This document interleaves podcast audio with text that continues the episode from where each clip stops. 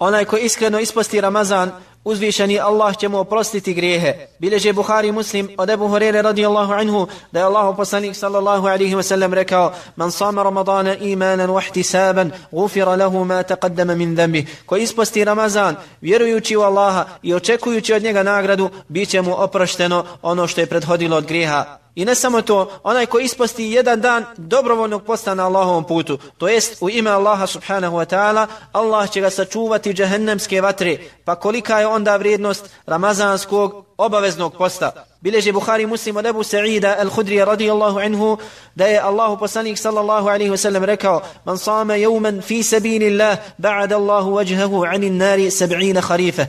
Ko isposti jedan dan na Allahovom putu, Allah će njegovo lice udaliti od vatre koliko je 70 godina hoda. Ustrajavanje u postu mjeseca Ramazana i činjenju ibadeta u njemu iz godine u godinu jedan je od glavnih uzroka brisanja malih grijeha prema kojima je većina ljudi nemarno. Bileži ima muslim od Ebu Horeire radijallahu anhu da je Allahu poslanik sallallahu alaihi wasallam rekao pet dnevnih namaza, džuma do džume, ramazan do ramazana, brišu grijehe ako se izbjegavaju veliki grijesi. Ramazan je jedinstvena prilika za oprost malih i velikih grijeha.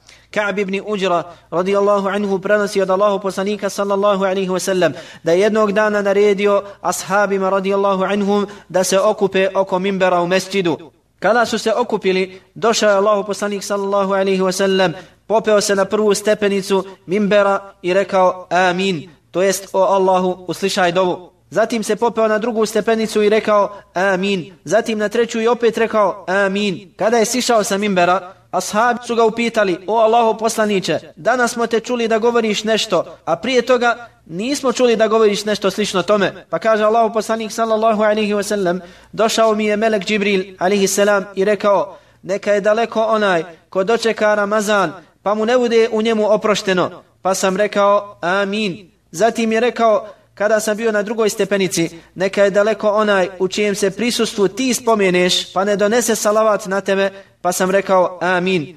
Pa je kada sam se popeo na treću stepenicu, opet rekao, neka je daleko onaj ko dočeka starost svojih roditelja ili jednog od njih, pa radi toga ne zasluži džennet, pa sam rekao amin. Ovu predaju su zabilježili imami Hakim, Al-Bayhaqi, Al-Tabarani i drugi, i ona je Hasan, dobra, iako u lancu prenosilaca imaju određene mahane, ali postoje druge predaje koje je podupiru i pojačavaju.